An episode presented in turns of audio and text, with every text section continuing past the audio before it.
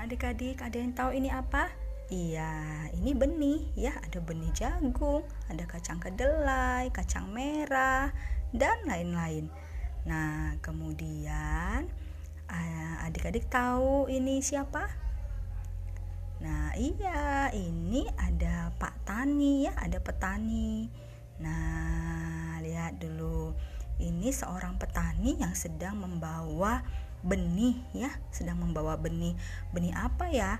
Uh, coba kita contohkan dia benih gandum ya. Nah, ketika Pak Tani membawa benih ya, suatu hari ketika Pak Tani ingin membawa benih, uh, benih Pak Tani itu ada yang jatuh di pinggir jalan adik-adik.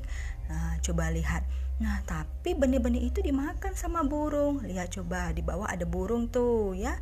Wah, kasihan sekali ya. Nah, kemudian benihnya juga ada yang jatuh di tanah yang berbatu-batu. Wah, tumbuh sih adik-adik ya. Kita lihat ada ya tanamannya tumbuh.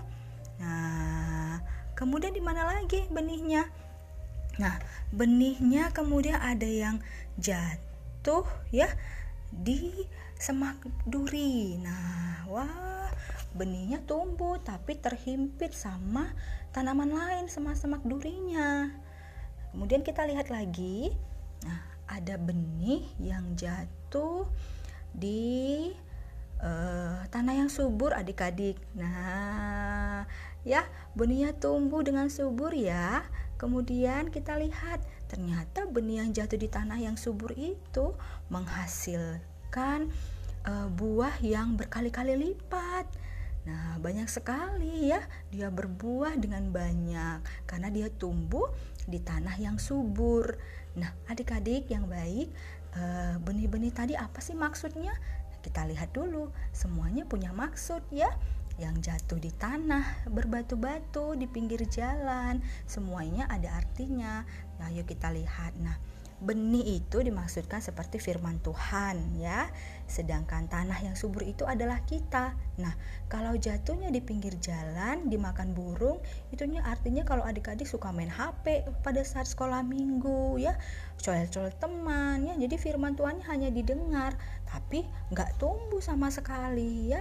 Kemudian yang jatuh di ber tanah berbatu-batu tadi, nah adik-adik dengar firman Tuhan nih, tapi uh, cuman di gereja aja, cuman pada saat zoom aja, tapi malas baca Alkitab, malas menghafal ayat hafalan.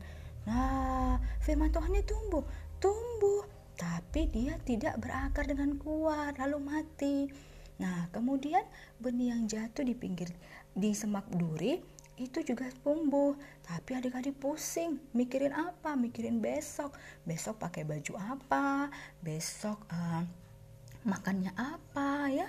Jadi lebih memikirkan hari esok daripada firman Tuhannya. Nah kalau di tanah yang subur dia tumbuh dengan subur adik-adik. Mendengarkan firman Tuhan ketika ibadah ya. Kemudian rajin baca Alkitab ya rajin sekolah minggu walaupun saat zoom ya. Nah, semuanya tumbuh firman Tuhannya tumbuh berbuah ya dengan banyak berkali-kali lipat. Ada yang 60 kali lipat ya ada yang 100 kali lipat. Nah seperti kata Tuhan Yesus bahwa Tuhan Yesus adalah pokok anggur dan kita ini ranting-rantingnya adik-adik. Jadi kita harus tinggal di dalamnya supaya kita berbuah dengan banyak. Ya oke adik-adik